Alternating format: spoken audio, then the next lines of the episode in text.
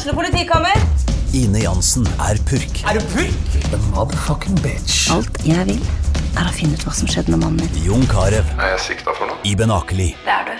Ole So, Lars Berrum og Big Daddy Karsten. Hvem sin side er du på, egentlig? Anette Hoff, Tone Danielsen, Kommer du fra Afrika?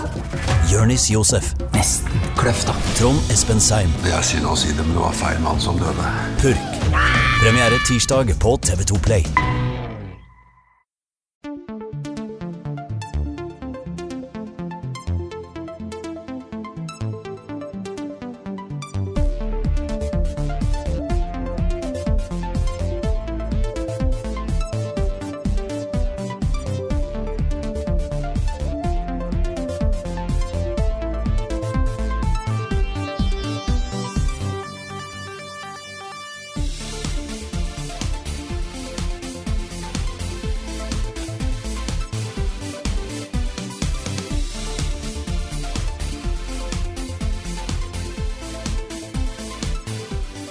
Mens Norge ser på OL og koser seg med pai, sitter vi med store øyne og spiller No Man's Sky. Hjertelig velkommen til spillpodkasten Level Backup. Mitt navn er Rune Fjell Olsen. Med meg har jeg Lars eh, Håkon Storm Bakken. Hallo. Og gjest denne gangen er selveste Niklas Halvorsen. Hei sann. Ja, Du er tilbake var på en, podkasten, Niklas. Yeah. Du koste deg så mye forrige gang at du bare hoppa på muligheten til å være med igjen. eh, Ja, ikke sant? Ja, ja, ja. Det var, det var før Pokémon Go. Det var før Pokémon Go. OK. Mm -hmm. uh, BPG, Beep. eller noe sånt. ja, det blir ny tidsregning det er nå, egentlig. Ja, det gjør Fordi, eh, fordi Niklas har kommet inn i liksom Hva heter det, smarttelefonenes verden. Mm. Ja. Så um, Den nære touchen. Ja. ja. Jeg husker det var en greie, det hørte jeg på podkasten. Du hadde ikke en uh, god nok mobil til å spille Pokémon Go. Nei, min Sony Eriksson greide det bare ikke. Ja ja. Uansett hvor mye du prøvde, liksom. Mm. Ja. Nei, nei, men det var, eh, det var godt, uh, godt forsøk. Så ja. Greit, Men, men vi kan jo snakke litt om hva vi har spilt i det siste. Og Ja. introdiktet var jo et lite hint. Ja. Eh, jeg syns du var veldig flink med det diktet, altså. Uh, Tusen takk. Jeg skrev det ja. ca. ti sekunder før, uh, før vi satte på opptaket. Ok. Ja, men det er bra. Du er, du er flink. Så det Tusen kommer litt takk. Natu naturlig. Jeg hører Tusen det. takk. Ja. Ja, tusen takk. Um, Nei, vi har jo spilt No Man's Sky. Det kom jo Ja. natt, natt til tirsdag. Massevis av folk satt jo våkne midnatt og venta på at det skulle Mhm. komme. Mm. Eh, og det er jo ikke mulig å snu seg rundt på nettet nå uten å møte et eller annet uh, om No Man's Sky. Det er Mm. eh, tydelig, tydeligvis et spill mange har gledet gleda seg til, og som mange spiller eh, om dagen, inkludert oss. Ja. Ja, altså jeg, eh, jeg hadde jo egentlig i utgangspunktet bestemt meg for at dette her var ikke et spill jeg hadde interesse for. Eh, og av det jeg har sett og det jeg har opp, oppfatta av det, så var det sånn Hva skal jeg gjøre her? Hva er poenget, annet enn å utforske? Og så er det sånn Ja, er det så gøy, da? Eh, Adventure. ja, jeg vet, men det var liksom sånn Det føles ut som en adventure ut i ingenting, egentlig. Um, ja. Men så dukka det opp, og um, da måtte jeg jo prøve det. Så Jeg vet ikke om jeg skal si hvordan jeg følte eh, Følte de, mine første timer i dette spillet var. Um, men først og fremst så hadde jeg problemer med, med feel of viewen, ja da. Så jeg sleit jo med å klare å fokusere nok på spillet fordi jeg blei fysisk kvalm av å sitte og spille det. Um, Det er lenge siden sist jeg har blitt, altså. ja, Kanskje jeg var noe grønt i spillet. ja jeg, jeg tror ikke jeg har opplevd det sjøl heller i særlig stor grad. Jeg opplevde, opplevde en gang som jeg kan huske, og da veit jeg veldig sånn godt hvorfor. Det var fordi jeg satt i et altfor mørkt rom og bare hadde TV-en og spilte over altfor lang tid. Eh, rett og slett. Så Men eh, nei, det var field of viewen, men eh, det hjalp seg veldig å sette seg bare lenger tilbake. Så nå sitter jeg liksom enda en meter til tilbake. Ja, på kjøkkenet. Um, og ser en sånn liten firkant borti hjørnet, og der er det, liksom. Så jeg får virkelig følelsen av space, kan du si, da. Mm. På den måten. Nei da. Um, Men også No Man's Guide har jo uh, vært et ganske kontroversielt spill i ukene før lansering. Eh, Mm. Det ble jo lekka. Det var en fyr som kjøpte det på eBay for uh, ganske mye penger, og som spilte igjennom og kom seg til, eh, til eh, slutten. Og så uh, hjertet av universet på Ja. 30 timer. Og etter det så har det vært flere som har spilt også. Det har vært lange tråder på Reddit blant annet, hvor, hvor det har blitt avdekka en del svakheter ved spillet. Men det som skjedde da, var jo at spillet var ikke helt ferdig. Det ble lansert en day one-patch. Den kom mandag, mandag ettermiddag. Hvor eh, veldig mye ble fiksa. Blant annet så skal det nå i teorien ikke være mulig å komme seg til senter av galaksen, eh, av universet, mener jeg, eh, på så kort tid. Det vil ta mye lengre tid å, å spille. Riktig. Eh, Det ble gjort masse med AI, med ressurshåndtering, med oppgraderingsmuligheter. Det ble lagt til en ny historie med tre forskjellige paths. som gir også tre forskjellige slutter, og det ble gjort ganske mye. Så pressekopien av dette spillet ble jo ikke sendt ut før den patchen var klar. Så det var ingen av oss som begynte å spille dette før mandag. Eh, så derfor så tar det også litt lang tid med, med anmeldelsen. Dette er jeg ganske fascinert over, fordi dette spillet her har fått utsettelse på utsettelse på utsettelse, og så kommer det frem i liksom etter at spillet er ferdig, basically, at sånn vi finner en feil. Og så klarer de rette det opp og legge til så mye ting på så kort tid. Ja, Da, altså, hva er det de har gjort en- før det, da? Det er en veldig veldig interessant eh, bloggpost fra en Ja. i Flamber, det nederlandske spillselskapet, som snakker om mm. uh, sertifiseringsprosessen til, uh, til konsolleierne. hvor, Mhm. eh, hvor du må liksom levere en bild til Sony da, eller Microsoft. Uh, som inneholder Det er en svær bok full av uh, sånn checkpoints uh, for, for hva spillet må inneholde og hvordan det skal fungere. Og Hvis mm. det ikke oppfyller eh, alle de kravene, så eh, må du tilbake og så må du lage en ny bild og så må du sende inn for ny sertifisering. Så det har på en måte Mest sannsynlig da, så er det det som har skjedd nå gjennom sommeren. ikke sant? At de har levert en bild som ikke har blitt godkjent, og så må de lage en ny, og så, osv. så videre. Ja. Så eh, mest sannsynlig så er det det som, som har skjedd. Mm. Ble de ikke saksøkt litt òg? Eller ikke saksøkt, men uh, det var noen som sa at de hadde stjålet dem sin algorithm. For, okay. de, for de har jo brukt uh, De har jo skapt en sånn Ja, holdt på å si AI, men det er jo litt feil. Men de har skapt et program som skaper planeter og ja, dyr og planteliv for dem. Så de vet jo ikke helt selv hva som faktisk eksisterer i spillet. Og da var det noen som sa at den algorithmen de har laget til det, den var veldig lik den vi pleier å bruke på et sånt forskningssenter. Så da sier Ja. ryktene at de kanskje prøvde å saksøke dem, siden de hadde stjålet uh, teknologien deres. Ja. Det kan bli juicy. Det, det, det stemmer. Altså, det var sånn ja, fint, fint spill dere har der. Jeg ser at uh, den algoritmen dere bruker, er liksom veldig lik den vi har laget. Mm. Det var noe sånt i den duren der det var liksom presentert. Det var veldig morsomt. Mm. ja. Nei, um, Altså Det kan hende at noen sitter og klør seg litt i hodet nå og lurer på hva i all verden No Man's Sky er. Uh, I tilfelle, uh, skal vi ta litt sånn kort, det er jo et Ja. spill som har lagd hele, også et helt univers med 18 trillioner planet, planeter, eller hva det er. Eh, det er gigasvært, og du kan reise fra Mm. planet til planet, og du kan eh, gjøre research på flora og fauna, du kan utvinne mineraler du trenger til å oppgradere ting, du kan finne ting som du kan selge, du kan kjøpe og oppgradere skipet ditt og drakta di og våpenet ditt og alt mulig rart. Eh, og det er bare svært. Det er kjempesvært. Eh, og det ligger et slags mysterium uh, over dette her, som en slags historie, hvor uh, du ikke helt forstår din egen rolle i dette universet, og eh, hvem du er, og hvorfor du er der, og hvem du møter, og sånne ting. Så det er på en måte historien. Du beveger deg hele tiden videre fra planet til planet og blir eh, sterkere og sterkere, mens du da eh, beveger deg nærmere og nærmere eh, sentrum for universet, og der finner du et eller annet som ikke vet hva er. Nei. Ja, altså jeg må jo si at eh, jeg er utrolig fascinert av det spillet de har laget her. Det er Jeg har aldri sett noe lignende. Det er eh, utrolig bare at de klarer å få det til i den skalaen de har gjort det. eh, med disse matematiske formlene eller algoritmene de bruker for å bare gjøre ting randomized. Eh, Går det ikke på alt liksom fra musikken også? At musikken blir annerledes på de forskjellige planetene også? Jo da, altså tilpasses, tilpasser den seg også til hva du gjør. Så hvis du, Ja. hvis du går og så hører litt sånn eh, eh, litt sånn uh, musikk i bakgrunnen, sånn rolig. Og så finner Mm. du liksom nok materialer til å gjøre det som er på lista di over ting du skal gjøre. Så Mm. endrer musikken seg. Ja. Så den er, eh, det, det hele føles veldig sånn organisk, hele dette Ja. At Det det, er utvikler seg med deg. Mm.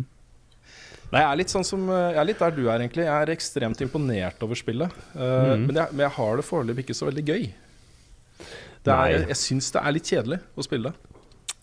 Ja, jeg hadde litt samme opplevelsen. Jeg satt der og sleit veldig i starten med å klare å finne det, der, det materialet du trenger for å, få, for å fikse skipet ditt. Det er jo noe av det første du må gjøre, for du kommer jo inn og har skipet ditt er krasjlanda eller ødelagt, og du må fikse det for å stikke derfra, liksom. Ehm, så um, etter at jeg fikk um, kommet over første kvalmen og roa meg en liten gang ned etter det, så begynte jeg å faktisk gå på jakt etter dette stoffet, og det klarte jeg ikke å finne før jeg plutselig oppdaga at det var i uh, Jeg skal kanskje ikke si Er det noen spoiler, eller er det forskjellig for Nei, ikke det? så til. Jeg nei, tror nei. starten er ganske lik. Ja, uansett så var det en sånn stor stein, da, som, hvor det stoffet var i. Um, Ja, Hvis du ser introen på siste episode av Level Update, så skulle var det en sånn akkurat- type stein. Akkurat til å si det, at det var, sånn der, det var en sånn type stein. Jeg hadde akkurat samme opplevelsen og følelsen som du hadde. Du sitter her til driller og driller og driller i den steinen og blir aldri ferdig.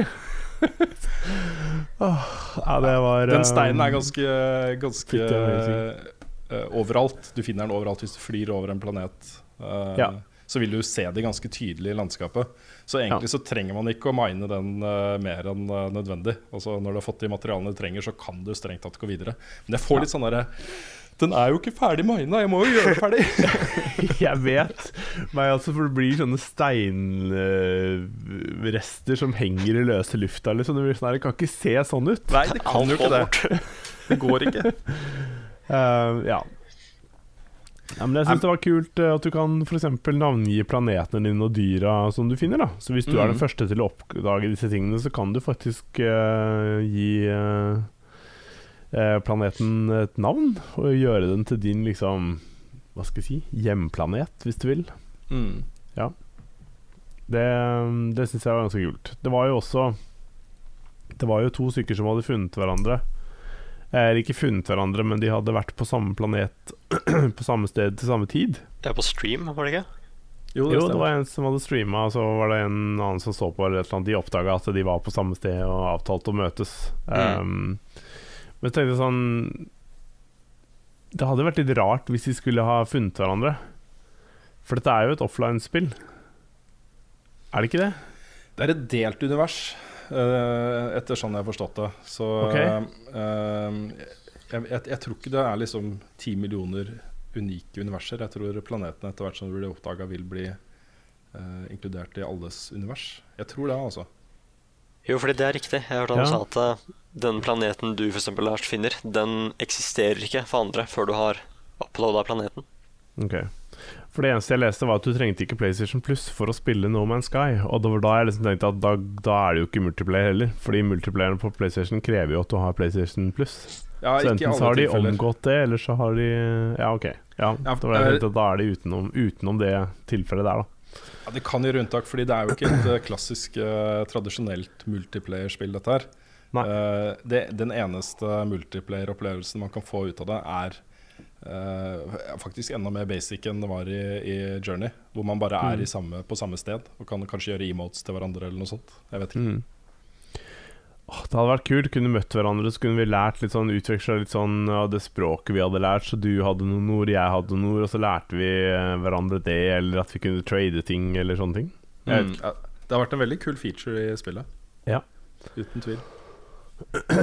Ja.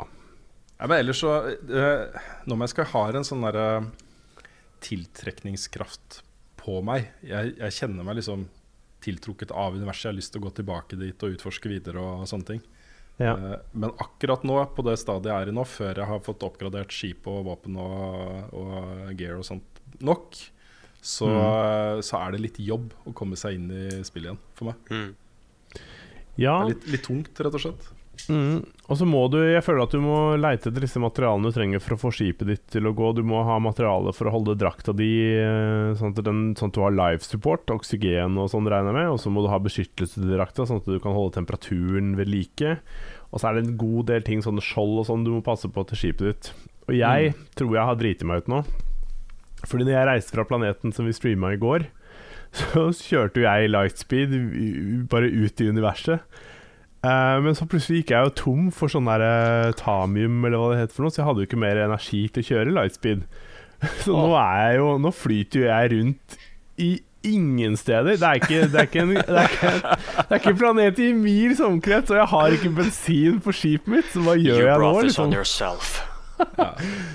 Eh, Du kan vel gå tilbake til forrige savepunkt, og det jeg lurer på om det er det jeg må gjøre, fordi det føles litt sånn derre Hva skal jeg gjøre nå, da?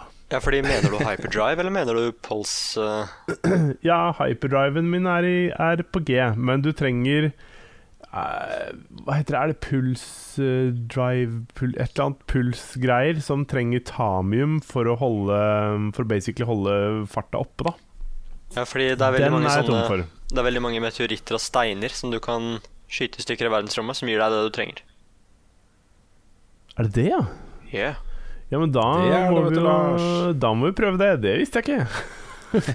Først tenkte jeg sånn da, da flyter jeg rundt her og har, og vet ikke hvor jeg skal eller hva jeg skal gjøre. Det, det hadde vært et kul, utrolig kul måte å strande på, da.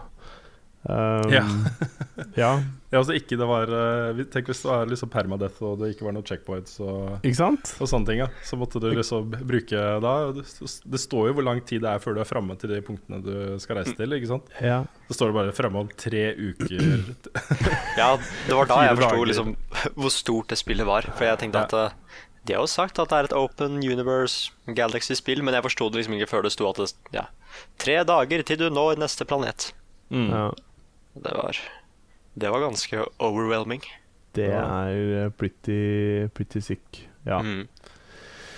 Yes, Nei, nei, jeg skal jo spille eh, dette her med mer og lage en anmeldelse av det etter hvert. Jeg tenker at Ja. jeg kanskje lager en sånn foreløpig anmeldelse før helgen. Uh, som uh, Det vil nok kunne karakteriseres som førsteinntrykk, fordi Mm. det er et eh, stort spill. Eh, Og så få liksom eh, karakteren min og endelig dommen vente til jeg føler meg eh, trygg på den. Det er, det, jeg, jeg føler at det blir helt feil å haste meg til, eh, til en konklusjon her. Det må spilles eh, i ro mak. Ja, og så tror jeg det kanskje blir Det er vel vanskelig å gi en endelig karakter før man faktisk har kommet til sentrum og se hva det kan gi Hva spillet gir deg. Um, men det vil jo ta såpass lang tid at det, Ja. Det må vel nesten komme tilbake til det, føler jeg. Ja, jeg tenker dette her hadde egentlig egna seg litt som en sånn episodeanmeldelse. Hvor man kanskje Ja. kommer med én episode i uka til man er uh, i mål. Om det tar et år eller Ja, ja. et eller annet Cap. Captain's lag. Det her blir jo sånn litt, uh, litt teit å si, da i tilfelle noen bare rapper ideen min. Men hvis noen rapper ideen min, så uh, shame on them, på en måte. Men jeg hadde jo jeg hadde en idé om eh, Jeg vet ikke om jeg rekker å få tid til å lage det, men um, å lage anmeldelsen sånn som eh, når Matt Damon driver og snakker til kamera når han har stranda på Mars. da oh, ja. At det bare skrur på kameraet og lager en logg på en måte ute fra universet et eller annet sted. Ikke sant? ja, ja. Så, så da, det hadde jo egnet seg til en sånn herre ja. Så det er dumt hvis noen rapper den ideen du har rappa fra noen andre. Er det noen som, ja, fra Marsen, ja. Men eh, Ja, jeg bare kødder. det er bare konseptuelt. Ja en kul, morsom måte å anmelde spill på, tror jeg. Ja, veldig. Jeg har tenkt å kanskje Eh, lage en sånn der, uh, hatt av eh, sølvpapir og, og sånt. Og du er helt sånn Hva heter det? Er det Stein? Science? Hvor de sitter med sånn uh, tinfoil-hatt på hodet og skal beskytte seg mot aliens. Å, herregud, altså, den scenen her Det er kanskje den, en, en av de mest hilarious scenene i uh, noen av M. Nights Shyamalan-filmene. Ja. Shamamalan. Shyamalan. Um, ja. Nei, men um, det er et kult spill. Ja da. Uh, vel verdt å sjekke ut for alle, Mm. egentlig. Det er um, uh, Ja. Det er vel vanskelig å lage en demo av et sånt type spill for å teste det ut på forhånd, men Ja, De kunne jo ha lagt, Det- lagt ut én planet, liksom. Eller to. ja. Kanskje, eller et solsystem. Jeg Ja. vet ikke. Nei, jeg har ikke peiling. Altså Ja. Men har vi spilt ikke. noe annet i det siste? Vi kommer jo tilbake til No Man's Ja. Sky eh, ved flere anledninger framover. Det gjør vi sikkert. Uh, vil du eh, si det, Nick, hva du har spilt? Jeg har uh, Jeg har spilt ferdig Inside for fjerde gang. Det er Oi. For å prøve å få alt til å stemme. Mm. Ja. Og, og så ble jeg endelig ferdig med Gone Home. Ok. Ah. Ja, var det bra? Altså Det var OK. Ja, OK, OK. Ja. Akkurat når det gjelder Gone Home, det er et vanskelig spørsmål å svare på. Er det bra? ja fordi det Det Altså er jo, storyen der var ganske Eller det var jo et mysterium gjennom hele veien som var veldig spennende, men det var liksom ikke så mye mer. Nei. Jeg syns uh, Ja. først og fremst da jeg spilte det, at det var en interessant måte å fortelle en historie på. Uh, Interaktivt. At du uh, At du veldig aktivt måtte oppsøke og lese ting for å uh, skjønne hva som faktisk hadde skjedd. Da. Uh, og da syns jeg at det tegna seg et bilde av ganske sånn interessante rollefigurer og troverdige rollefigurer. Uh, Og så syns jeg, synes jeg uh, plottet med hva som har skjedd med søstera søstera hennes og sånne ting, er ganske interessant. da Jeg liker det. Og det som også er litt stille med det, er at eh, det er jo et trophy i det spillet. Fordi det er mulig å runde på to minutter. Ja. Vanligvis folk bruker sånn mellom to og fire timer, men hvis du vet nøyaktig Fordi du må få spesielle hint for å finne ut hvor du skal i huset. Men hvis du vet nøyaktig hva du skal gjøre, så kan du klare å bli ferdig med det på to minutter. Og det var ganske Yes. Det er så risky å putte noe sånt i et spill, men det var ganske kult. Ja, det var de som var der.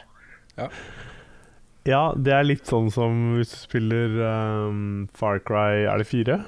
Ja, Så kan du basically gjøre ferdig spillet bare ved å ikke gjøre noen ting, egentlig. du Ja, bare det er sant.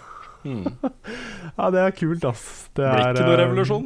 Nei, det er veldig morsomt at de gjør dette her. Bare ja, ok, nei, men du satt her til jeg kom tilbake, så flott. Da går vi rett til slutten. Verst at folk sier det er den Um, beste slutten nå. Ja, men det tror jeg, tror jeg på. Jeg har ikke noe annet enn sett den, og jeg har ikke spilt ferdig Far Cry 4 på vanlig måte. Jeg har, jeg har sett den alternative slutten på YouTube, bare. Så jeg har ikke sett hva som skjer når du spiller ferdig spillet sjøl, fordi jeg ble litt lei av det spillet. Ja. Um, yes. Men yep. uh, ja, nei uh, Jeg tror egentlig ikke jeg har spilt noe Spilt noe særlig annet. Nei, ikke jeg heller. Så da tar vi bare noen uh, nyhetssaker. Ja. Den 7. september klokken 19.00 norsk tid har Sony invitert til en pressekonferanse i New York. Og de har ikke sagt hva det skal handle om, men alle tar det for gitt at det er avdukingen av eh, PS4 Neo eh, som vi skal bli vitne til. ja. Dette er spennende. Det kan bli kult. Ja, det kan bli kjempekult. Men de har vel gitt alle mm, Har de ikke basically gitt alle de tekniske dataene på den allerede? Eller er det Jo bare da. lekkasjer? Det er lekkasjer og spekulasjoner. Så Ja. det, som- det som går på uh, hva den kan gjøre, er jo uh, mer eller mindre bekrefta Ja. gjennom ganske troverdige lekkasjer. Fordi, Men vi må se den. Ja, vi må se den, og det må liksom endelig bekreftes. Det er ikke gitt at alle ryktene stemmer heller. Nei. Eh, men det vi vet, er jo at, eh, at eh, den er klargjort for 4K. eh, at den vil, vil gi en liten boost til VR-spill. Mm. Um, og det er vel egentlig basically det den skal gjøre, etter det jeg har Mm. forstått. Mm. Så uh, ja. Så er det også sagt på forhånd ganske klart fra Sony at alle PlayStation 4-spill vil fungere på både vanlig PS4 og på Neo. Så, uh, så det er mer en sånn Jeg vet ikke, for folk som enten ikke har kjøpt en PS4 før, eller som har lyst på en oppgradering. Mm. Har penger, penger til det. Ja. Jeg er spent på hva den Ja. vil eh, komme til å koste og sånn. Ja, for pris er jo veldig sentralt her. Det er jo Mm. det alle lurer på. Jeg tipper Mm. nok at den vil koste i hvert fall fem, kanskje seks. Ja, de, jeg tenker at liksom PlayStation her kommer sikkert også til å gjøre det samme som sist, at det kommer til å legge seg lavere enn Xbox. Ja, det kan Tror jeg, tenkes. da. Men Scorpio er jo ikke Den er jo langt unna. Den kommer jo først øh, neste høst. Så Ja. de har litt tid på seg til å sette prisen sånn som de vil, tror jeg. Rett og slett. Ja. Det sant. Så vil du sikkert ja. se bundles ikke sant, med PlayStation VR, som, eh, som jo lanseres i eh, oktober. Hmm. Um, og en Neo for et eller annet, kanskje 8000 eller noe sånt. 9000. Ja. ja, for jeg tenker det vil jo kanskje bli en av de mest ultimate eh, VR-pakkene du kan kjøpe deg. Ja, den billigste, Eh, som er, fall. ja, som er billig og lett tilgjengelig for alle, da. Mm. Uh, uten at du må ha en svær PC eller ting og sånn. Nå er det jo Xbox One eller Scorpio begynner jo å nærme seg Nærme seg en PC i hva, den, Mm. kan, hva den klarer av kraft og sånn. Så jeg tenker at Jeg tror kanskje ikke PlayStation blir like kraftig, men at de leverer et mer totalt produkt. Skjønner du hva jeg mener? Mm. Um, ja. Ja, kanskje, uansett. Det er jo en spillkonsoll, så det som er pri 1 og det aller viktigste der, er jo hvil, hvilke spill som kommer til den. Mm. Så, um, så det, det er på en måte uavhengig av hva slags kraft det er i maskinen, så, uh, så er det spillene som kommer som avgjør om det blir en hit eller ikke, da, vil jeg tro. Det er sant, det, altså. Så er det jo en Nei. annen hyggelig ting med at det kommer en oppgradering, er jo at prisen på den originale PS4 vil jo gå ned. Så hvis du ikke er så opptatt av 4K eller VR, så vil du ha muligheten til å skaffe deg en ganske rimelig og bra spillkonsoll. Mm. Ja, herregud, absolutt. Og det er vel eh, Per nå så er det vel den som leder an mest i markedet, så um, Ja, de Den, ligger vel eh, på det nesten det dobbelte av Xbox One, etter det jeg har sett. Ja. De eh, Det starta ganske litt sånn her eh, trått for eh, PlayStation i, med tanke på hva slags spill som var til den. Det føltes ikke ut som den hadde noe særlig eksklusive titler og tjohei, men så har det liksom kommet mer og mer og mer. Da. Så den har blitt Mm. veldig, veldig bra spillpakke nå, syns jeg. Ja, helt enig. Um, Når det er sagt, ja. så gikk jeg ut og faktisk kjøpte meg en Xbox One S. Uh, Mm. Og det var mye fordi ehm, her hjemme, når jeg, når jeg sitter med hjemmekontor, så er det litt stress for meg å spille Xbox One, for den er så svær og er gjemt bort i et skap. Og jeg må drive og åpne luker, og hvis jeg går tom for batteri på kontrolleren, så må jeg liksom sitte veldig nærme TV-en. Det er masse sånne ting. Ja. Så eh, den nye Xbox One S kunne jeg bare plassere på øyekant på skrivebordet sammen med PlayStation 4. Det var en Mm. mer praktisk måte å spille Xbox One på. Så jeg Det er kjempepraktisk. Mm. den Så viser det ser seg at utrolig nice ut, da. ja, den er, er kanskje den peneste spillkonsollen noen gang, syns jeg. Den er Ja, veldig, den er- veldig, veldig pen. Den er eh, lekker. Mm. Og så er den, uh, i- i- ifølge rapporter som har testa liksom, eh, tekniske, tekniske muligheter med den, så er den ganske, altså ikke vesentlig bedre, men litt bedre enn Xbox One. da Den gjør ting kjappere og uh, Ja. funker bedre. Kan oppskalere til 4K, forsto jeg også. Mm. Så det er jo nice. Ja. Så er det litt kult, fordi jeg fant jo ut uh, noen dager etterpå at uh, det er en slags limited edition. De har produsert uh, ett parti av den konsollen og skal ikke lage flere.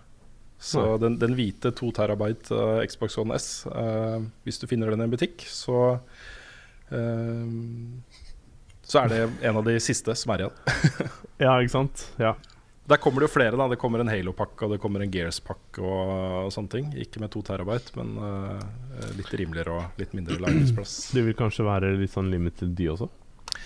Etter det jeg har forstått, så vil de det. Så, ja. så eh, det har blitt mer et, kanskje et samleobjekt enn en Ja. nødvendig oppgradering. Men jeg tror det er en veldig riktig ting av dem å gjøre også. Fordi når de lanserte dette her i samme vending som de lanserer at vi lager eh, Scorpio, så tenkte jeg sånn Hvem har lyst til å kjøpe den konsollen her? Men når de gjør den til et samleobjekt, og de legger inn sånne easter eggs sånn som de gjør, så blir det jo en kul ting, da. Ja. Så da vil jo folk uh, ha lyst på det. Jeg liker den. Jeg Ja. har blitt uh, litt glad i den, faktisk. Ja. Nei, Xbox eh, de kommer seg virkelig, ass. Det er utrolig mye spill, eh, spennende spill på trappene. Og Mm. det blir dødsspennende å se hvordan Scorpio yter. Er Og hva slags grafikk den faktisk kan levere. Mm. Ja. Det var litt morsomt. Det første spillet jeg kjøpte til Xbox One S, var eh, Red Dead Redemption. Vi hadde en liten diskusjon på det i går, Niklas. Hvor, Ja. du, du sa jo for en stund siden at du har lyst til å lage et klassikerinnslag.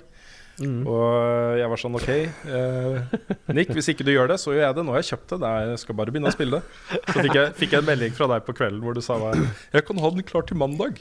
Mercy! Ja, det er bra, ass. Ja, Så den ja, du. Det, det gleder jeg meg til å se, altså. It's gonna be good.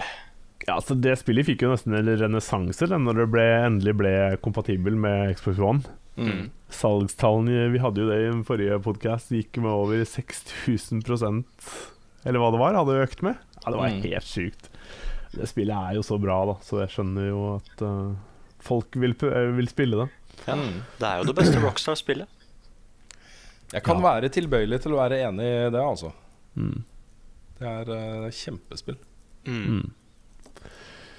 Yes. Greit. Uh, Persona 5 har fått lanseringsdato, uh, og det er Valentine's Day 2017, altså 14. februar. eh, den Aha. samme dagen som i USA. Og det lanseres også en sånn uh, Valentine's Day Collectors Edition av spillet.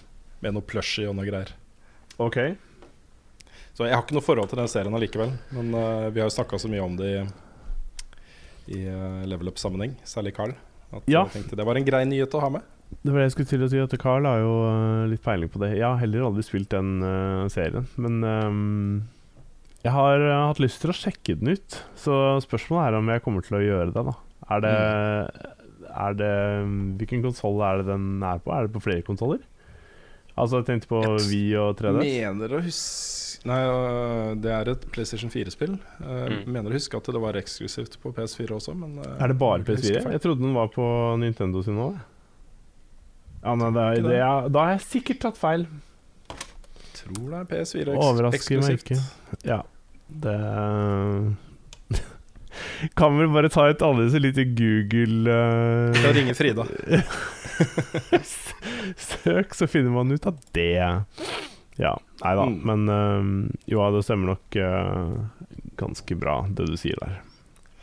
Så, Og så har det kommet et uh, nytt øh, tracking-system i Pokémon Go. Jeg har ikke testa det selv, jeg har lagt det spillet på hylla, egentlig. Jeg, um, føler, at Ja. jeg, jeg føler ikke at jeg har noe særlig mer å hente av det, annet enn eventuelt da å komme i litt bedre form. Men uh, Du har fanga Ja. alle. Jeg har ikke fanga alle. Mm. Men uh, Nei, jeg vet ikke. Jeg, jeg har vært mer fascinert av fenomenet enn uh, opptatt av spillet. Mm. Så, uh, så det har bare vært for å på en måte opplyse meg selv om hva det går ut på og sånne ting. Så um, Ja, altså det nye tracking-systemet mm, baserer seg jo på hva, hva folk har sett og hva folk har fanget. mm, Hvis ikke jeg har forstått det veldig feil. Um, og jeg må jo si at uh, det funker sikkert bedre i en by enn hva det gjør herover. Fordi rundt meg her så er det sånn Er det tre sightings. Altså det vil si at det er tre Jeg holdt jeg på å si uh, zombier, men det er jo selvfølgelig Pokémons som har blitt sett. Og da er det jo litt sånn Før så kunne jeg gå mer systematisk frem og, og vite hvordan jeg skulle finne de. Men nå er det litt sånn Jeg må bare ta en sjanse, og så dukker de ikke opp like Eller på de samme stedene som før, i hvert fall rundt her, da. Så det føles litt sånn Det har liksom rett og slett blitt, blitt litt tammere akkurat her jeg Rundt meg, da. mm. Her jeg bor. Jeg vet ikke hvordan det er andre steder, i byene og sånne ting. Om det er blitt det samme der, eller om, om det har økt, da. Ja, nei, jeg vet ikke. Det er øh, Jeg holder meg stort sett inne, så jeg ser ikke om det er massevis av folk som spiller det ute, Ja. ute her heller. Ja. Nei, jeg, jeg, det er mange som har uh, vært negative til uh, denne oppdateringen som Niantic har gjort, da.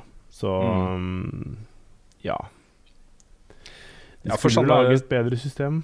Ja, det må, det må jo bli bedre. Uh, Mm. Og du snakka om før sending, Nick, at de tester ut i, i USA, var det Mm. San Francisco? Uh, et system hvor det dukker opp uh, uh, bilde. Og så når du fanger en Pokémon, så kan du liksom se bildet av akkurat hvor, hvor de fanga den. Ja. Jeg tror det var i LA, var det ikke? Ja, kanskje det var LA. Ja. Ja. Da, da begynner det å bli litt mer uh, interessant igjen, da. Hvis man Mm. skal uh, uh, Hvis man har liksom reelle muligheter til, til å fange spesifikke Pokémons. For det, Mm. det at man ikke har den muligheten lenger, har jo gjort altså, gjort det mulig at du går ut for å leite etter Pokémon, så finner du ingenting. Og så du kommer liksom tomhendt tilbake etter en sånn Yes. tur. Og det er jo Og ikke det noe litt særlig gøy. Ja. Nei. Nei, nei, det var vel en testgruppe det der da som, eh, hadde, som driver og tester det. Så um, de har jo sagt at det ville komme en del eh, Du ville kunne se en del endringer til dette her tracking-systemet fremover. Så um, Mm. ja, innen Jeg det tror- blir lansert. Ja, jeg tror jo da at uh, dette spillet her kommer til å se ganske store uh, og fine oppgraderinger etter hvert. Jeg tror uh, de har en ganske lang uh, plan med dette her. Hmm. Hvor du vil se liksom stadig nye features bli introdusert. Og vi har jo bl.a. sett i trailere sånn spille mot spille-battles. Mm. uh, hvor man står fysisk ved siden av hverandre og, og battler mot hverandre. Det vil jo Mm. komme. Uh, trading av uh, ting vil komme. Mer avanserte muligheter til å kjempe i, i gyms. Mm. Um, sanne ting, så det vil komme ganske mye nytt her. Men Ja. det kommer nok til å ta litt tid også. Jeg ble veldig gira på sånne kontaktlinser som du snakket om. Tenk hvis du bare hadde det på øya, og så på den måten så fikk du liksom opp uh, Pokémons rundt deg. Altså, det hadde vært genialt. Det er sånn derre Oi, er, da blir det jo plutselig en ting som bare blir en del av den verden du lever i, liksom. Det blir jo en del av det som er rundt deg. Um, Ja, Ja. Da blir man uh, greit fjerna fra virkeligheten, egentlig. Ja, man gjør jo det, men uh, det, kan, det kan selvfølgelig ta litt overhånd til slutt, hvor du ser liksom Pokémons overalt når du skal gjøre ting, og det er sånn her eh, Bare Pass deg, ikke tråkk på Pokémon! Ja. Eh, Du kan ikke ta ut linsen din heller, vet du. Nei. Ja, det håper jeg man kan. Nei, men um... Etter hvert vet du, så kan man operere inn uh, nye øyne. Som bare er en Ja. prosessor og hele pakka, liksom. Jesus Christ. Mm, det er uh, teoretisk mulig, folkens. Ja. Og så eh, putter de uh, tankene og hjernen din inn i datamaskinen, som de også setter inn i hodet ditt, og til slutt så er du en uh, androide. Mm. Um, ja. Fremtiden er Mm. skummel, ass.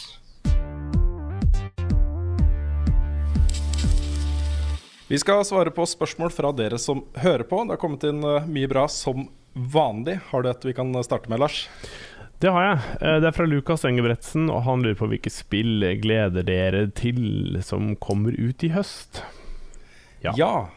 Det blir jo en veldig spennende høst, dette. Vi har allerede snakka litt om uh, noe av det mest spennende som skjer, og det er PlayStation VR, som kommer Ja. i oktober. Der kommer det jo et lass med spennende VR-spill også. Mm. Ja. Uh, det mest spennende der er vel um, Eller det kommer kanskje ikke i år. Den Resident Evil eh, Var det 7? Ja, stemmer. Men, Ja. uh, men uh, Insomniac lager også et VR-spill. Hva er det pokkeren var det det het igjen? Jeg skal prøve å google det opp. Jeg. Nå Ja, er ok. det Spiderman, men det er feil. Ja, det er et, det er et horrorspill uh, som, uh, som ser superspennende ut. Skal vi se. Nå skal jeg bare uh, gjøre et Gjøre uh, Gjør et eh, lite kjapt søk. lite søk. Det er greit. Eh, det er jo et par spill som kommer ut i høst som jeg ikke personlig gleder meg til, men som jeg vet veldig mange andre gjør. Og det er jo Final Ja. Fantasy 15 og Civilization 6. Så dere kan oh, snakke litt om det først. Ja, vi kan ta Civilization 6 først, da. det så jeg også noen hadde skrevet et spørsmål om på eh, Facebook-siden vår fra tidligere, hva, hva vi forventer om det. Altså, jeg har sett alle de videoene som er lansert på den YouTube-kanalen til Civilization 6, og herregud, så bra det ser ut. Det blir bare bedre og bedre. Ja, det gjør det, altså. Det, er, eh, det som er så kult med det, er at de har tatt Civilization 5 og bare utvikla alle systemene i Civilization 5 til å bli bedre. De har liksom ikke tatt vekk ting og lagt til noe annet. De har bare gjort det forrige spillet bedre. Og det er en kul, eh, kul ting. Det, det er sånn man ønsker Det er sånn jeg ønsker at mange utviklere skulle gjøre med andre spill. At de tok det spillet her, Cod 4 for eksempel. At de bare Her innser vi at vi hadde et bra produkt. Vi eh, tar det beste av dette her og tar det videre. Det har de jo aldri fått til, da. Ja, Men, um, Det som er så gøy med Civilization 6, er at uh, Civilization 5 Folk sa at det ble veldig bra etter at DLC-en ble lansert. Mm. Og derfor sa de at vet du hva, dere som lagde DLC-en, dere kan lage Civilization 6. Ja, ja, det er sant. Det er, eh, det er veldig kult, fordi Civilization 5 uten DLC-en er jo ikke så bra.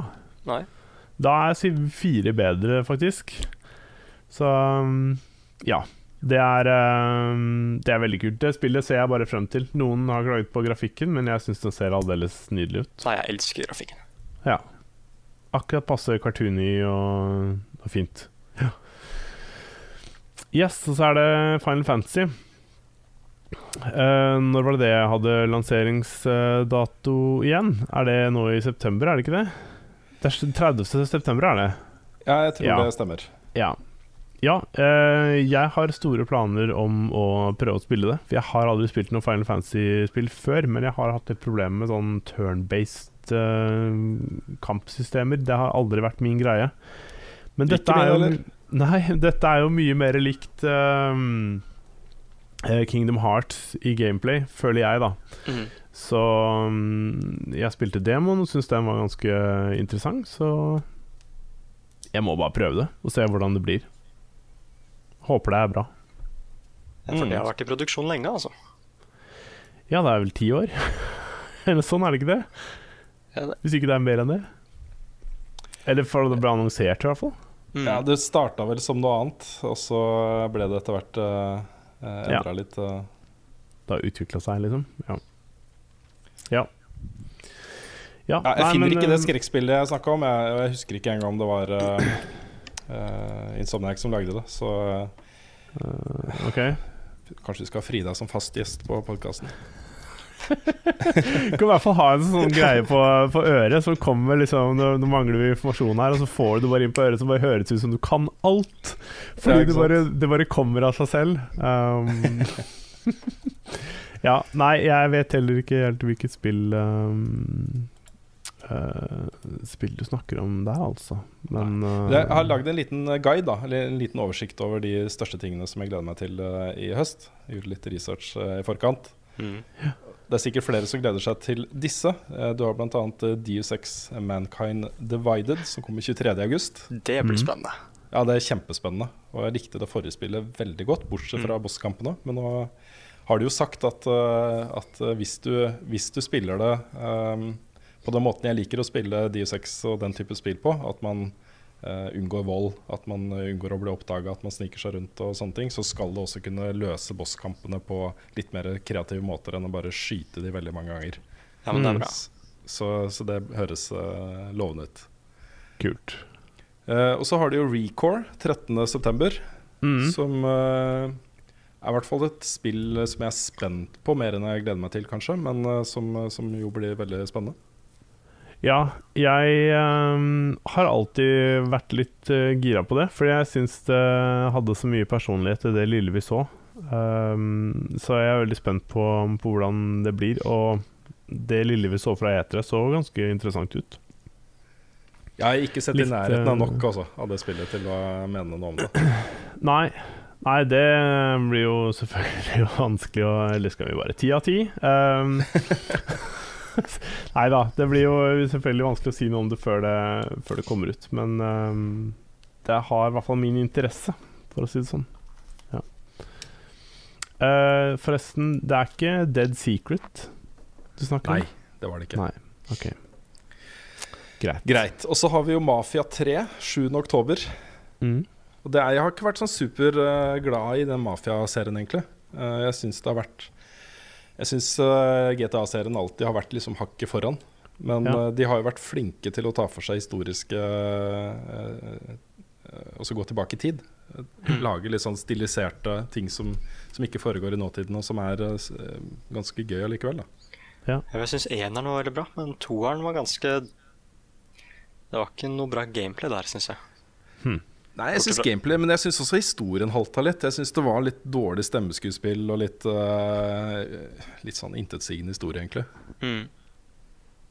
Men uh, Mafia 3 ser ja. spennende ut. De har uh, brukt mye, mye tid der, ser det ut som, til å lage en litt mer engasjerende historie rundt dette. her Og litt mer eh, interessante rollefigurer. Ja. Så kanskje. Ja. Jeg har aldri spilt det, så det er bare å håpe at det blir bra, da. Ja.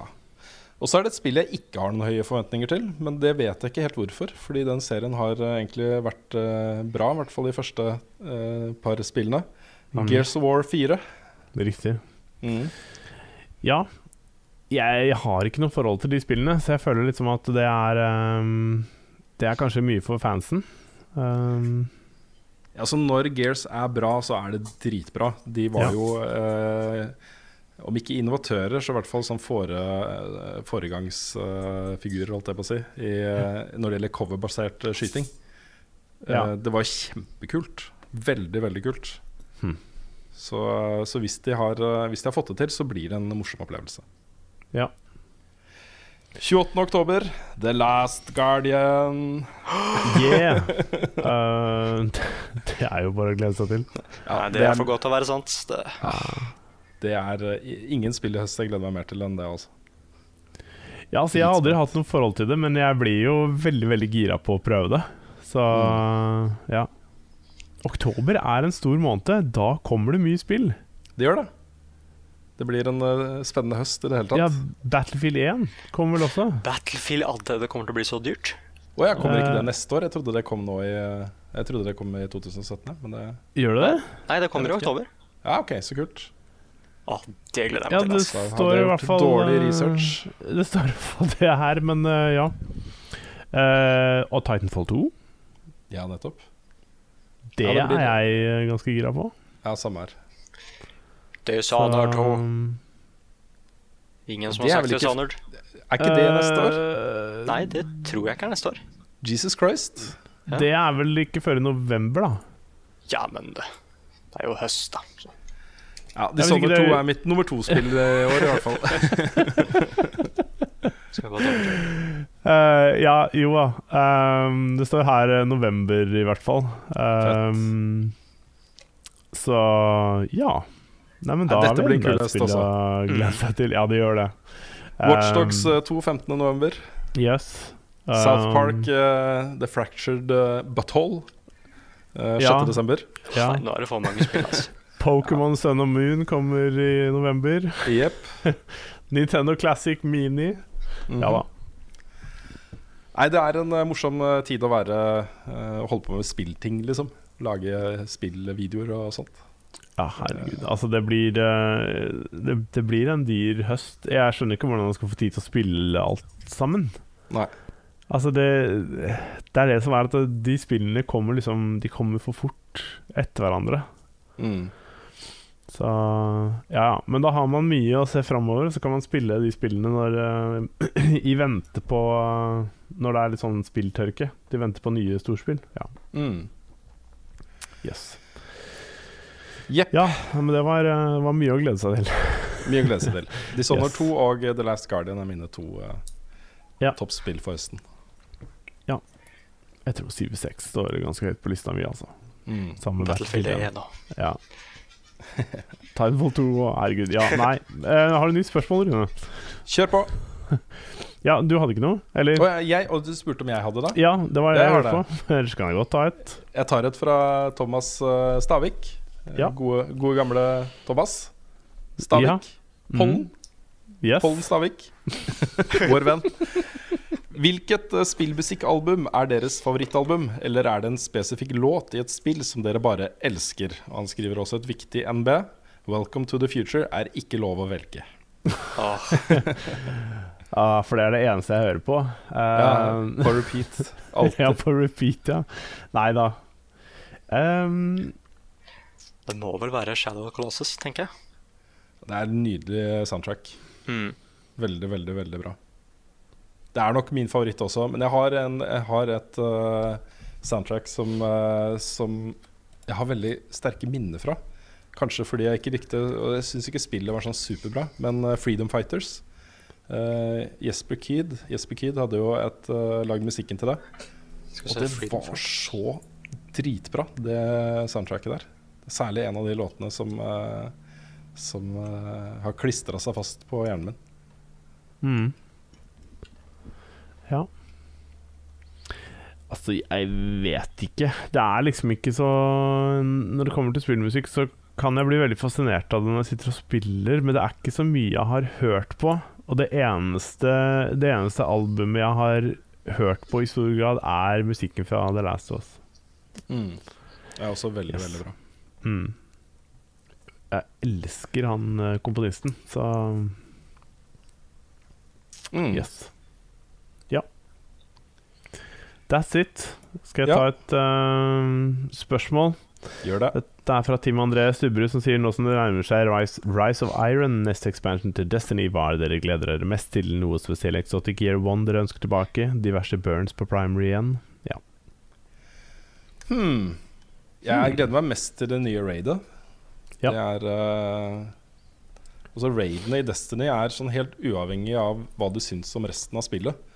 Mhm. Så, så er det de desidert kuleste opplevelsene jeg har hatt i et skytterspill noen gang. Det å sette seg ned med fem kompiser og prøve å liksom forstå mekanikken og komme seg gjennom uh, Ja. de raidene de, de første gangene. Ikke bare første gangen, men liksom de første tre-fire-fem ukene. Mm. Så er det så utrolig fett, altså. Jeg er helt enig. Det er eh, amazing. Jeg gleder meg også til å se om de får til noe mer kul story det, De hadde det så utrolig bra sist gang. Det var liksom Det var dag og natt fra original eh, originalstoryen når um, Jeg husker ikke hva han heter, men det er Nathan Fillion, i hvert fall, som er uh, Nathan Fillion. Ja, hva heter den rollefiguren, var det jeg tenkte på. Cade Six. Ja, riktig. Uh, hvor han hadde det samme med Aries Morn. Eh, Den kontrasten mellom de to og sånn, det gjorde det bare kjempemorsomt. Så um, Det er jeg litt spent på, faktisk. Ja. Ellers så, så er det Crucible, altså PVP-biten, som jeg er mest eh, spent på. De har jo sagt at de har en stor overraskelse til, og mange håper jo og tror at det er, eh, er eh, custom eh, matcher. Hvor Aha. du kan uh, gå inn og sette dine egne regler for, uh, for dette her. Og, Det blir kult og bra for de som driver kompetitiv. Så blir det litt lettere å holde turneringer og sånn. ja, absolutt. Kanskje de til og med kommer med turneringssystem. Det bør de rett og slett bare gjøre. Så eh, Ja, herregud. For der Det er er det en sånn uttapp potensial i spillet. Det kan hende at de sparer disse tingene til Destiny 2, altså. Men, uh, Mm. Men det er uh, PVP-delen som gjør at jeg fortsatt uh, spiller Destiny. Så Ja. det er den biten jeg er mest opptatt av, egentlig. Det er nice. Og så må jeg også få lagt til at uh, mest sannsynlig så uh, blir verken raidet eller historien i Rise of Iron uh, superbra. Fordi jeg tror at alle de beste folkene i Bungie nå jobber med Destiny 2. Ja. At ikke det er A-laget som sitter og lager raid og sånne ting. Jeg, jeg er ganske, ganske sikker på det, altså. Så Ja. det, er, uh, det er mine forventninger. Ja. Ja, nei, jeg bare føyer meg inn under dine forventninger, så for å gjøre det enkelt. Mm. Ja. Tar et uh, spørsmål her fra Ove Persson, eller om det er Ove Person, det vet jeg ikke. Uh, han spør hvordan føler dere 2016 som indie har gått så langt, og hvordan ser det ut resten av året og fremover? Føler dere at dere er ferdig med mye av heavy liftingen som nyopprettede Buffkitten, eller at det er mer etablering som trengs? Um, Ja. Jeg føler jo at det har gått innmari bra, egentlig over all forventning. Uh, mm. Men vi har vært i en veldig heldig situasjon hvor vi har liksom bare brent av uh, sluttpakkene våre. Så eh, vi har ikke hatt kniven på strupen ennå, men det får vi nå i høst. Så da blir det jo interessant. Ja. Sluttpakken uh, min går ut i sånn type oktober, og Carl sin i september, tror jeg. Ja. Så um, ja. Da trenger vi mer penger, rett og slett. Ja. Ja, det er jo mange måter å skaffe seg det på, holdt si, men um, ja, det blir spennende, spennende å se. Det blir vel uh, Jeg vet ikke. Kanskje på jakt etter noen sponsorer eller uh, sånne ting. Ja, Vi har to helt konkrete løp der. Det ene er med eh, Moderne Medier, som er eh, det managementbyrået og podkastbyrået som vi har eh, signa med. Mm. Eh, så de skal jo aktivt gå ut nå og selge oss. Eh, og det er sponsorater og annonser og eh, De har snakka om sånne motivational eh, foredrag på, på julebordet og sånne ting. oh, ja. som, som en mulighet. Altså hvordan man kaster seg ut fra det trygge og følger drømmen sin og Riktig. sånne ting. Eh, Mm. Han Jim som er sjefen der, han mener at, eh, at eh, det å gå og snakke om at vi spiller dataspill for a living, kan være interessant på den, den type sammenheng. Så Ja, kanskje. herregud. der er det mye penger. Det kan de jo, liksom. Så why not? Ja, Og så har vi planer om en eh, live-turné som kanskje blir noe av. Eh, hvor ah, man, det hadde vært så gøy. det har vært kjempemorsomt. Reist rundt eh, i Norge og hatt eh, et opplegg. Ja. Det håper jeg vi får til, altså. Det krever vel litt både her og der. Både av uh, interesserte folk og uh, eventuelt sponsorer eller sånne ting. Ja, Det viktigste der er jo at vi må følge oss sikre på at det vil komme nok folk til at, uh, at det vil lønne seg å gjøre det. Ja. Um, men vi ser på den muligheten. Ja. Så, så hele det løpet der Jeg aner ikke hvor vi ender opp på det. men eh, jeg håper jo at det kommer litt, litt løpende inntekter fra det. Ja. Og det andre løpet er jo dette potensielle TV-programmet vårt. Som eh, jeg fikk beskjed om at de starter aktivt eh, å pushe det så hardt som mulig nå i august. eh, Mhm. og, ser om det går an å få finansiert og solgt det til en TV-kanal. Mm. Så hvis det går igjennom, så har vi i hvert fall eh, store deler av neste år dekka. Ja. Så det er liksom ting på gang her. Vi, eh, jeg, jeg, jeg tror det skal gå bra. Jeg tror det, altså. Ja. Det må man bare med. håpe på. Ja. Så håper jeg det løsner litt på YouTube etter hvert. Vi har jo nesten oppe i 20 000 nå. Um, Ja, hvis vi dobler det, så er det jo brått uh, ganske interessant kommersielt også. Ja, det er- gjelder bare å treffe litt der. Jeg holdt på å si, det føles litt biased å snakke om det, men det er jo, lages jo ganske unikt innhold på, i forhold til andre norske YouTube-kanaler. Så det er jo Mm. mye Potensialet bør jo være til stede. Ja, Noen Så- av de tingene vi lager, kunne jo man bare pakka litt om og så solgt. Mm. Uh, Level Update f.eks. er en sånn type program som jeg tror fort vi kunne ha klart å selge til, til, eh, til noen. At det publiseres på vår YouTube-kanal og uh, et eller annet Mm. annet sted. Ja, herregud. Ja, og det er en bra Veldig bra konsept også. Fungerer som fy. Jeg syns det fungerer. Og det er, ja. eh, et, det er så mange medier nå som har kutta spilldekninga si. Jeg tror det har vært en fin mulighet for, eh, for de til å bare ha noe spillstoff en gang i uka. Ja, absolutt. Totally agree. Så kanskje. Men ellers har vi fått regnskapsbyrå på plass. Eh, jeg tror det er fra mandag av, fordi folk er på ferie der. Så kan uh, sanne som dere to f.eks. begynne å fakturere for eh, jobben dere gjør for oss.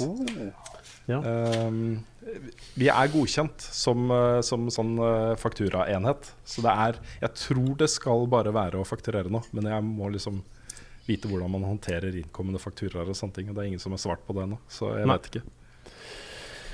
Det er eh, Det er flott. Ja. Ja, så det blir bra nå. Det, det blir en spennende og jeg tror jeg en fin høst for oss, dette her. Mm. Ja, herregud. Det blir, det blir nok å gjøre, i hvert fall. Det gjør det. Så det er bare kult. Mm. Yes, Um, skal vi ta et spørsmål? Ehm, eh, det var litt flere spørsmål her, men vi har eh, et fra Trond Sinfor Borgersen. Jeg har Da kan ikke jeg ta noe- dum, di-di-dum, di-di-dum, Ok. eller uten jingle, jeg spør spørsmål til dere uansett. Nå som No Man's Sky er ute, kan man endelig suse rundt i verdensrommet og utforske planeter. Men dette er ikke det første spillet i sin sjanger, så hva er deres favorittspill gjennom tidene med verdensrommet i fokus? Og ja, vi vet svaret til Rune allerede. Destiny. ja. Um, Et av de Ja. første store En av de første store spillopplevelsene jeg hadde, var jo Space Quest eh, 3. Og jeg er veldig glad i science fiction, Mm. sånn generelt på film og bøker og og også spill. mm. Så eh, Space Quest 3, og så seinere Maraton. Maraton 1 og 2. Ja, eh, jeg skulle til å si eh, Space Quest uh, sjøl. Det var jo noe Var vel det første Space-spillet jeg har spilt òg, tror jeg. Mm. Ehm, hvis man ikke regner sånn Space Invaders uh, osv. Men um, i, Jeg vet ikke om jeg har noe favorittspill, jeg, altså. Som jeg, tror den der, eh, jeg tror litt den der å reise fra planet til planet-type tingen er ganske sentralt i spørsmålet hans. Så sånn uh, Asteroids og sånn tror jeg kanskje blir uh, ekskludert. Men Elite, for Ja. eksempel, hadde jo vært en uh, ting man kunne svart. ja. Det står 'verdensrommet med gåsehud, så kan hende han er litt sånn fri på det. Jeg vet ikke. Um, tar noen mener Oslo, liksom? Eller Europa? ja, ok. Ja, nei. Um, Alt utenfor jordkloden er jo verdensrommet. Ja, ikke sant. Så du kan jo ta Spore, for eksempel. Ja, Ja, det er sant. ja et eller annet Star Wars-spill, da. Altså Ja. Nei, jeg vet ikke. Jeg har ikke spilt så veldig mye romspill. Det, har, det er faktisk en av de tingene som, med unntak av Star Wars, så har det Det har aldri vært ting som fascinerer meg veldig. Jeg er ikke fullt så glad i alienspill og sånn. Jeg har aldri hatt uh, helt sansen for Halo, f.eks. Selv om jeg har spilt uh, noe av det og syns det har vært gøy. Men ja. Mm. Ja. Har du noe space-spill, Nick? Ja, det må nok bli Spore. Ja.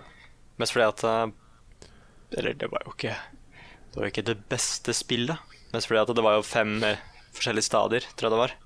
For du starter jo som en bitte lite sånn bitte lite vesen, og så går du gjennom evolusjon, og så blir du bare mektigere og mektigere og smartere og smartere, og så lager du din egen sivilisasjon, og så går du og reiser rundt i rommet. Mm. Men det som var veldig kult med det, husker jeg var at du kunne, du kunne finne en planet og uh, lage liv på den. da Terraforme planeten. Mm. Så det var ganske stilig. Ja. Mm. Ja, det har jo vært et uh, populært spill, det. Så ja. Har et eh, spørsmål her fra Johan Martin Seland. Uh, han spør spør hvor går definisjonen på indiespill. Gikk eh, nettopp gjennom samlingen hjemme og la merke til at Shank ble publisert av EA Games. Er det da fortsatt et indiespill? Uh, og ja, det er det.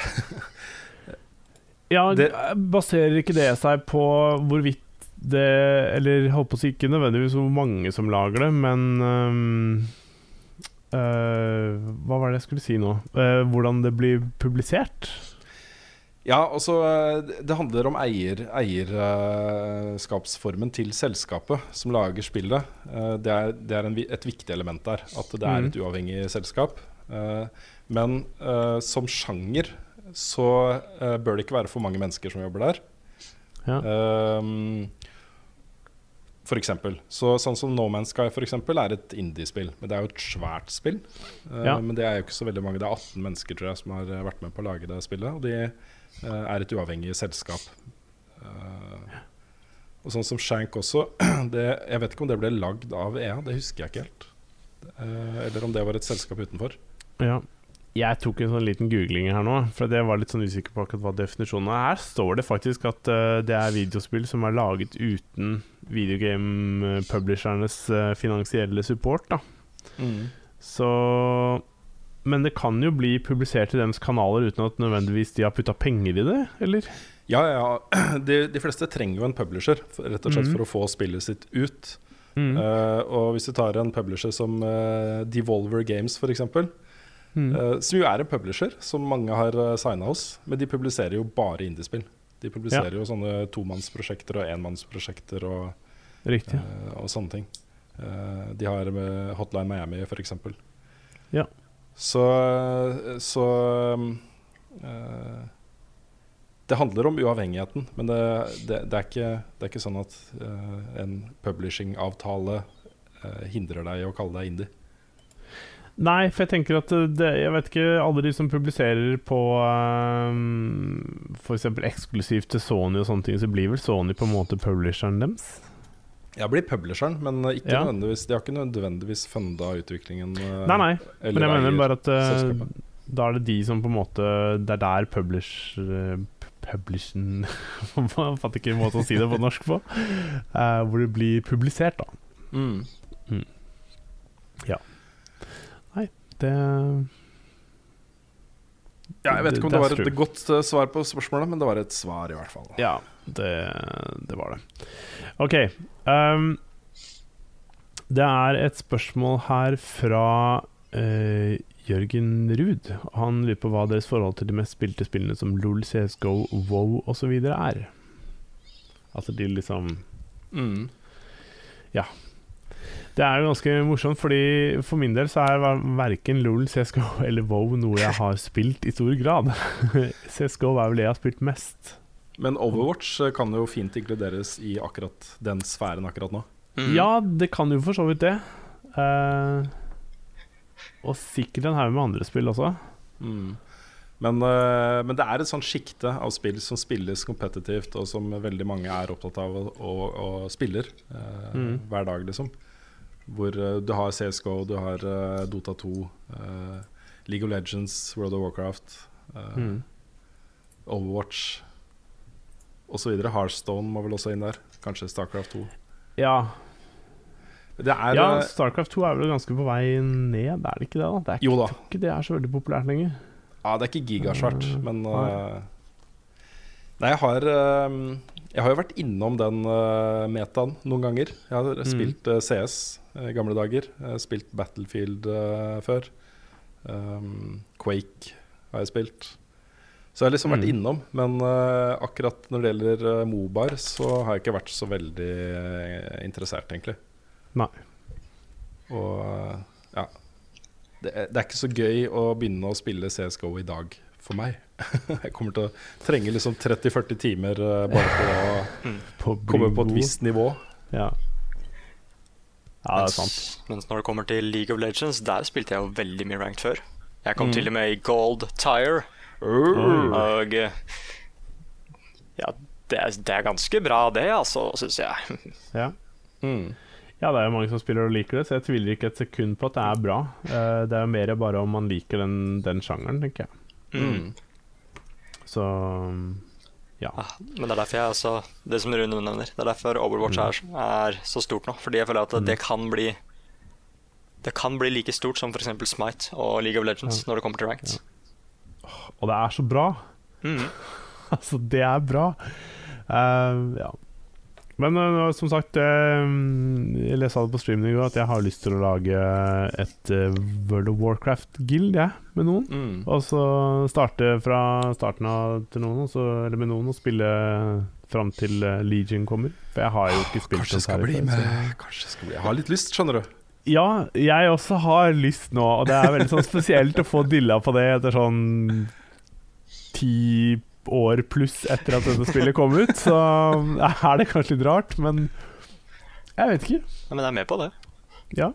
Jeg tror det hadde vært gøy, altså. Sett meg i kolonnen for kanskje. Det er greit, da har du notert. Da har jeg, da har jeg, da har jeg én med meg, i hvert fall. Nei da, det er sikkert flere som vil, så ja. Mm. Jeg tror det hadde vært gøy, altså. Men um, Ja. Det er jo litt skummelt, da. Ja, det er MMO. kjempeskummelt. Jeg, jeg tror ikke jeg tør, altså. Nei. Det kan fort bli litt uh, ta litt mye tid. Jepp. Ja, Men de første 20 levels, de er gratis. Ja, men det er sånn de fanger deg, vet du. Det er så bra. De første 20 er gratis. Å, herregud. Jeg har ingen problemer med å betale Hva er det 12 dollar i måneden eller hva det er som er abonnementet på det. Det, det syns jeg det er verdt, hvis man spiller det mye, liksom. Men, ja, Hva eh, koster selve spillet? Nei, jeg Eller betaler du ikke for det lenger, kanskje? Betaler du bare for uh, tror det kanskje er gratis. Jeg er ikke helt sikker. Ja, nei, det vet jeg ikke. I don't know. Ja. Har du flere spørsmål, Lars? Ja jeg, Nei, egentlig ikke. Um, nei.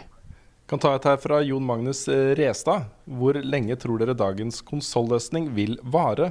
Tror dere neste generasjons konsoller, eh, Nintendo NX osv., kan bli den siste før hele konseptet endrer seg? Og hva tror dere i så fall det vil endre seg til? Ja, altså da Det blir vel snakk om at uh, alle spillene er lokalisert på en server, og at du bare streamer de, da. Det var jo, dette var jo spekulert i for en uh, si en god stund tilbake også. Eh, hvor du da liksom lenger ikke har den konsollen plassert i sua. Men jeg veit ikke, altså det Så lenge det kommer, eller blir lansert store spill som kan spilles som et singleplayerspill alene, offline, så kan jeg Det føles litt risky. Altså da Jeg tror det krever enormt mye av et sånt uh, system å holde det Altså infrastruktur for å holde et sånt system i gang for alle som skal kunne streame og ha lett tilgjengelig. For det må jo være Det må jo fungere topp norsk hvis det skal være, hvis det skal være bra. Mm. Så Det, det er sant. Jeg ehm, Jeg ser jo at vi går på en måte mot slutten av, uh, av konsollmodellen.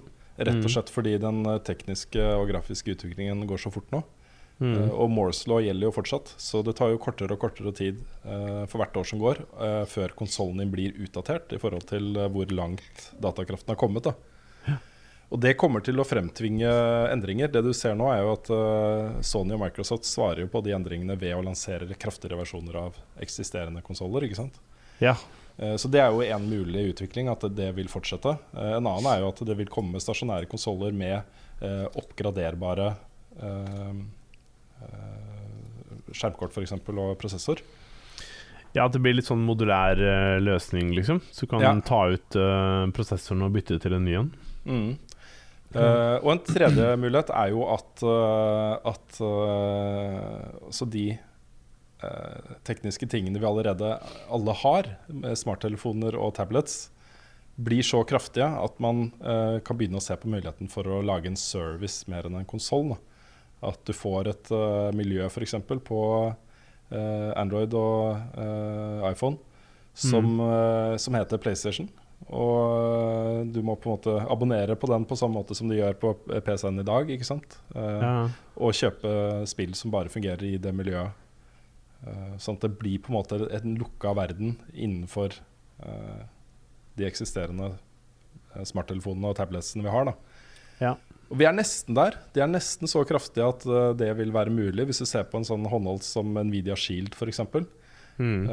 så er jo den på høyde med det aller beste på PS3 eh, og eh, noen av tingene som har kommet på PS4, sånn i, i eh, hvor pent det ser ut. Ja. ja. Nei, altså, jeg tenker også at det kan Det er litt spennende å se hvordan VR utvikler seg. Fordi eh, hvor stor betydning det har. For jeg tror det, det vil nødvendigvis være med på å forme hvordan en ny konsollversjon eller en ny konsollfri framtid vil bli, da. Så um, Men jeg tror det blir vanskelig å drifte disse her VR-tingene uten å ha en eller annen form for maskin lokalt som, som driver den. Ja, sånn sett så har jo PC-modellen eh, gode dager foran seg. For det er jo en Mhm. oppgraderbar eh, plattform, ikke sant? hvor du kan Ja. bytte ut eh, komponenter og gjøre den kraftigere og gjøre den i stand til å håndtere stadig mer avanserte spill. ikke sant? Så um, det er uh, det, altså Behovet for mye datakraft uh, i en sånn maskin er fortsatt til stede. Det, ut, Ja. Uten det så vil utviklingen uh, stoppe opp og gå litt tilbake. ikke sant? Man kan ikke begynne å lage ting som ser dårligere ut fordi man har dårligere maskinvare. Nei, ikke sant. Um, ja. Jeg, føler kanskje der er eh, har VR har litt å gå på fortsatt der. Mm. Uh, for, for å komme opp til et uh, Hva skal jeg si uh, Et grafisk nivå som, som er så bra at når du setter på deg det headsetet, så føles det ut som du fortsatt er i en virkelig verden. Mm. Og ikke noe som tydelig er en dataanimert verden. Ja. Ja.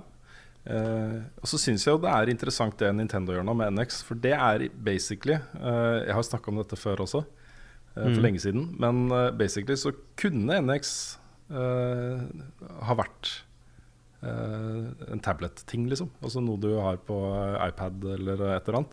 Mm. Det, det er jo sånn den fungerer. Du har den med deg rundt omkring, og så kan du koble den til TV-en din. Og sånn fungerer det jo med Apple TV, f.eks., hvor du kan streame ting. Eh, Ja. Eller med, med Nvidia Shield, som også streamer til TV-en din. Det er en, en sånn type konsoll, men den er jo da uh, lukka til Nintendo sitt uh, univers. Den vil jo ikke ha et uh, mobiloperativsystem, f.eks. Nei. Nei, det er, eh, det er en valid løsning. Eh, Det blir spennende å se hva de, hva de får til der. Jeg er eh, Hva skal jeg si skeptisk. Ikke skeptisk, men nysgjerrig skeptisk. Jeg finner ikke det rette ordet nå, men uh, Cautious. ja. Ja. Cautious the Ja. optimistic, et Ja. eller annet. ja. Forsiktig optimistisk, ja. Ja, forsiktig være optimistisk. Ja. Det, ikke sant? Her driver jeg og baser med dårlige engelskuttrykk når det finnes et fantastisk uh, velfungerende norsk uttrykk for akkurat Yes. det samme. Beklager den. Nei, det går uh, veldig fint. Nei, men uh, ja. Nei, men jeg, det, det er spennende i hvert fall eh, å se hva de, hva de får til. Og det som er, er kult her, er at de eh, De lager jo software til sin egen hardware. Så de er på en måte spillversjonenes eh, Apple. Um, så eh, jeg er sikker på at de kommer til å få til noe som er bra, uten at de har et stort fokus på at dette skal ha x antall terraflops og, osv. osv. så videre og så. Mm. Så um, ja. Så lenge det fungerer og har eh, bra spill som folk vil, eh, vil spille, så ja. Så tror jeg de har en sjanse, altså. Jepp. Mm. Uh, vi tar et uh, siste spørsmål. Det er flere som har uh, spurt meg om, om Japan-ferien min. Um, Ja. Jeg har et spørsmål der fra Jakobi Jakobi på Patrion. Mm. han spør rett og slett Kan du sette ord på hva det er med Japan som er så spesielt for meg. Og um, det er litt vanskelig, men, eh, men eh, jeg har jo Jeg gikk jo liksom alltid med en drøm om å dra til Japan, og særlig Tokyo. Mm. Um, det er et eller annet med estetikken i gatebildet og sånne ting som har vært veldig tiltalende for meg. Mm. Uh, og det som skjedde første gangen jeg var i Japan, var jo at jeg møtte min fremtidige kone, som jeg fortsatt er gift med. Ja. Så det var jo ganske vellykka tur, da, kan man si. Um, ja, det vil jeg påstå er ganske greit. Um, men altså, eh, Japan, og da kanskje særlig Tokyo, er jo eh, Jeg opplever det som veldig eksotisk fortsatt. På en litt sånn Mm. sånn science fiction, futuristisk måte, med alle disse neonskiltene og Mm. um, mm. arkitekturen og de tingene der. Det er litt sånn Blade Runner også. Uh, Ja. Med vi er jo vant til her i Norge og i Vesten egentlig at alt foregår på gateplan ikke sant, i byen. At alle restaurantene og sånt ligger i første og eventuelt andre etasje. Men de Mm. ligger ikke i sjuende etasje. Uh. I Japan er det jo ofte sånn på de bygningene, for det er så begrensa med plass der. At uh, du har liksom en, uh, en restaurant i første etasje og en frisør i andre etasje, og så har du en bar i tredje etasje og karaoke i fjerde etasje. Og, og så, så er det sånn Hver eneste bygning nedover den gata er sånn, ikke sant? Ja. Uh, og det er et eller annet med de, de sanseinntrykkene man får av det. At man kan ta liksom heisen i en bygning opp til åttende etasje, og så er man inne i et dritkult karaokested, liksom. Det er, eh, det er veldig storby. Veldig sånn metropol uh, ja. på en litt sånn kul måte. Og ellers er det maten. Maten i Japan er helt fantastisk. Det er så mye bra restauranter og så mye bra mat der at det er, det er ikke sant, altså. Eh, vi snakka litt om det på streamen også. Da fikk jeg ikke nevnt uh, en annen stor favoritt, og det er sånne rice ball-steder. Mm. Hvor du får boller da med ris og noe annet. F.eks. barbecue-marinert kjøtt eller uh, fisk eller reker eller hva som helst, liksom. Men det, okay. er så, det er så godt. Det er så utrolig godt. Og billig. Det koster ingenting. Du går inn i disse stedene, og så er det mange av de har sånne automater ved inngangsdøra. Hvor du har med hele menyen. Så trykker du for de tingene du vil ha, så får du en lapp, og så setter du deg, så kommer bare maten. Mm. Du har betalt på forhånd. Alt er liksom bare Ja. ja. som en slags eh, asiatisk versjon av eh, Max. ja. Max Burger. Ja, men det Altså, Japan vi er som du sier, det virker veldig eksotisk. Uh, Mm. For meg så er det sånn eh, Det blir Det høres litt rart ut å si, men det blir som å være, komme til en uh, fremmed eller en annen verden. Uh, det er det jo basically også. Uh, Absolutt. Det, Så- det føles veldig sånn. ja. Så jeg har veldig lyst til, til å reise dit. Det er vel veldig mye kule sånne holdt på å si, steder du kan reise til og oppdage som ikke nødvendigvis er storbyen også. Ja da, massevis. Jeg var jo Så- eh, for første gang litt sånn sørover i, eh, på, på eh, en øy som heter Shikoku. Mm. Hvor det annet var en, en, et gammelt slott. uh, som var kjempekult å være i, selv om det var liksom 35 varmegrader. Og uh, man gikk i oppoverbakke, oppoverbakke, oppoverbakke. Så var det en veldig kul opplevelse å få med seg. Eh, og i den byen så var det også et ikke, Ja, var det den byen? Eller var det en annen by? Jeg husker ikke helt. Men eh, sånn varme bad, da, varme kilder, hvor du går inn Det er eldgamle steder, ikke sant? mange hundre år gamle bygninger. Hvor du eh, eh, kan bade i varme kilder. Ja, og riktig. gjøre sånne ting. Ja. Men ellers så har jeg jo, jeg har jo bodd på eh, mitt favoritthotell eh, noen gang. Altså Av alle hotellene jeg har bodd i, så er det mitt favoritthotell. Og det er jo eh, Park Hyatt, det samme hotellet som, eh, som var i Lost in Translation. Fantastisk eh, sted. Og jeg har bodd i eh, sånne eh, gjestehus, sånne herberg, hvor du eh, bor, sover på tatami-matter og deler bad og, eh, og do med alle de andre som bor der. Eh, jeg har bodd på businesshoteller og jeg har bodd på love hotels, hvor det var svømmebasseng på rommet. og karaokeanlegg. Ja, herregud. Så det er så mye kult man kan gjøre. Bare å oppleve og bo og spise og gjøre og, Mm. og sånt her. Det er Jeg føler alltid at jeg har blitt veldig mett på inntrykk hver gang jeg har vært i Japan. Ja. Det er mye som er så fjernt fra min hverdag at, eh, at eh, det har en stor verdi i seg selv. Bare det å suge de inntrykkene. Ja. Åh, må ha tatt meg en tur dit ass, en gang. Det hadde vært kult. Det hadde vært kult å vært i Japan med deg, eh, Lars. Tatt med deg og Lars og Nick og alle som er med, og bare ta en skikkelig Carl, mente du? Eh, ja, Carl, ja. Ja. Eh, tatt en skikkelig sånn hurratur til Tokyo. Det hadde vært kult, altså. Ja, men eh, jeg er down. Så um, jeg, tror jeg, jeg tror jeg er den som kommer til å stå først i køen til, å, til å si ja til det. Så um, name the time and place, and I'll be ready. Jeg kan jo nevne da at hvis ikke det blir noe, eh, noe av det TV-programmet vårt eh, til vinteren, så er det en teoretisk mulighet for at jeg starter lokalkontor av Buffkitten AS i eh, Tokyo. What? Ja, Vi snakka litt om det på turen nå, fordi eh, jenta eldstejenta mi blir jo, begynner på skolen neste høst. Ja. Og vi har snakka om lenge at det hadde vært kult å bo litt i Japan. Uh, ikke sånn for godt, men for en eh, periode. Så vi snakka om kanskje muligheten for å gjøre det til vinteren. da Huh. Flytte til Tokyo og bo der et halvt år. Det hadde vært kult. Det har vært helt overlegent, og jeg kan jo være med på Altså- podkasten og livestreams og produsere innholdet. Det blir basically som å ha et hjemmekontor, bortsett fra at det er litt lenger unna Ja, ja. enn jeg har i dag. Da. Så det hadde vært praktisk gjennomførbart, så lenge vi ikke skal møte opp i et studio i Nydalen en gang i uka. Nei, ikke sant. Ja. ja, det blir litt lang pendlevei, kanskje. Litt lang Um, pendlevei. Ja. Det hadde vært dritkult. Skal vi få deg på øret som sånn uh, utenrikskorrespondent?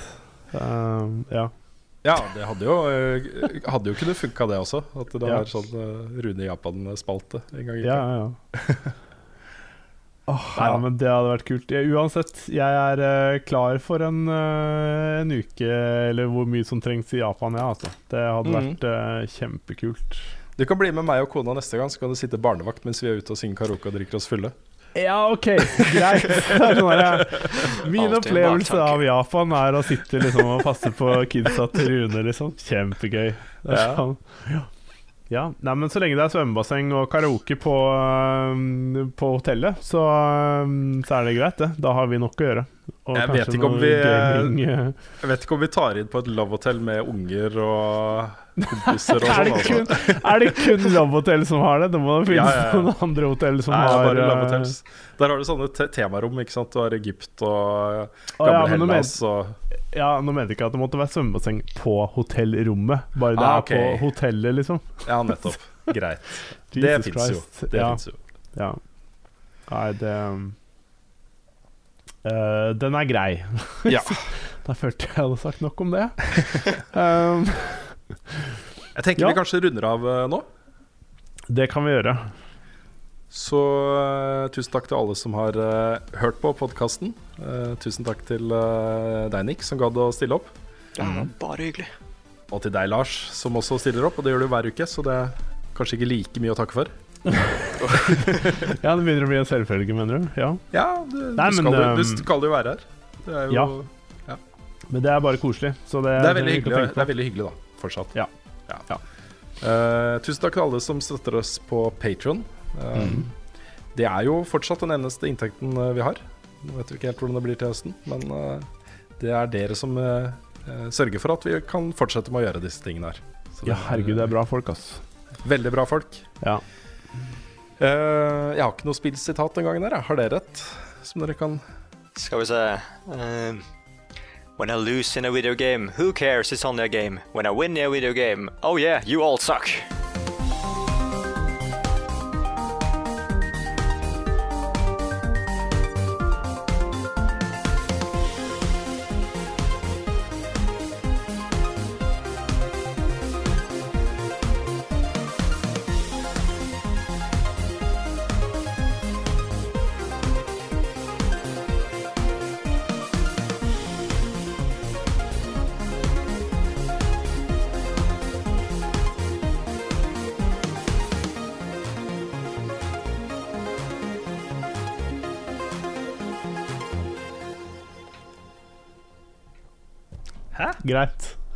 Det ikke? Er, er det fra et spill? Ja, det er tydeligvis Å, ja. fra et spill. Hvilket spill? Resident Evil. Hvilket? OK. Um, Men det er så sant. Har du et enkeltpersonforetak eller en liten bedrift? Da er du sikkert lei av å høre meg snakke om hvor enkelt det er med kvitteringer og bilag i fiken, så vi eh, gir oss her, vi. Fordi vi liker enkelt. Fiken superenkelt regnskap.